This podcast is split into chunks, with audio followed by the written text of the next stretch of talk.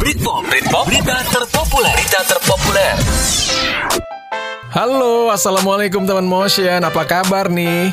Ketemu lagi sama gue Mamang Mamang yang akan ngasih informasi sejumlah berita terpopuler hari ini yang dirangkum dalam Britpop, berita terpopuler Motion Radio. Berita terpopuler. Langsung aja kita ke berita pertama nih teman motion yang datang dari langkah nekat pemerintah yang nggak akan ngelarang warga untuk mudik lebaran tahun ini. Waduh, jadi nih ya, lo mau pada mudik pakai motor kek, pakai mobil, kereta, bus, apalagi nih, odong-odong kali ya, atau sepeda biar ngira terserah lu deh ya pokoknya. Terus gimana nih ngawasinnya? Lah kan pandemi aja belum jelas nih urusannya. Angka harian aja kan masih nambah terus nih tiap hari. Nah, kata Menhub Budi Karya Sumadi sih nantinya akan koordinasi lagi sama Satgas COVID-19. Terutama ini soal tracing untuk warga yang mudik. Apakah nantinya yang mudik kudu bawa surat udah divaksin? Mungkin nanti ada koordinasinya juga kali ya.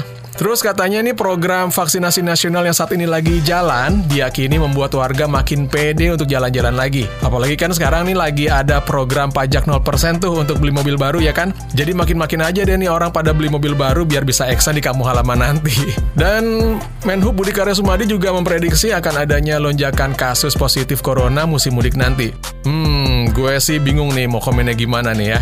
Lo prediksi angka COVID bakal naik, tapi lo nggak ngelarang mudik. Coba gimana? Tapi itu pilihan ya bro ya, lu mau mudik apa enggak? Kalau gue sih masih sayang sama anak istri, sama keluarga, sama orang tua. Jadi ya lebih baik kalau gue lebaran di rumah lagi aja kayak tahun kemarin. Dan soal nggak dilarangnya mudik sama pemerintah, epidemiolog dari Universitas Indonesia, Tri Yunis Miko juga bilang terserah pemerintah deh. Yang penting asal tanggung aja konsekuensinya. Alright, saudara-saudara. Berita terpopuler. Nah, Britpop selanjutnya ini datang dari Majelis Ulama Indonesia atau MUI, MUI, yang udah ngeluarin fatwa kalau vaksinasi COVID-19 boleh dilakukan di siang hari saat umat muslim puasa di bulan Ramadan. Alhamdulillah. Artinya nih, puasa lo pada nggak batal, bos. Ini kata MUI ya, bukan kata gue ya. Ini nanti gue yang lagi disalahin nih. Dan alasannya menurut Ketua Bidang Fatwa MUI, Asrorun Niam Soleh, suntikan vaksin COVID kan lewat injeksi intramuskular, yang artinya itu lewat otot. Jadi nggak akan batal puasa lo. Kecuali nih ya, lo lagi divaksin, terus ngunyah sagon, seret-seret dia tembolok lo. Mending juga sinar Garut bro, seger.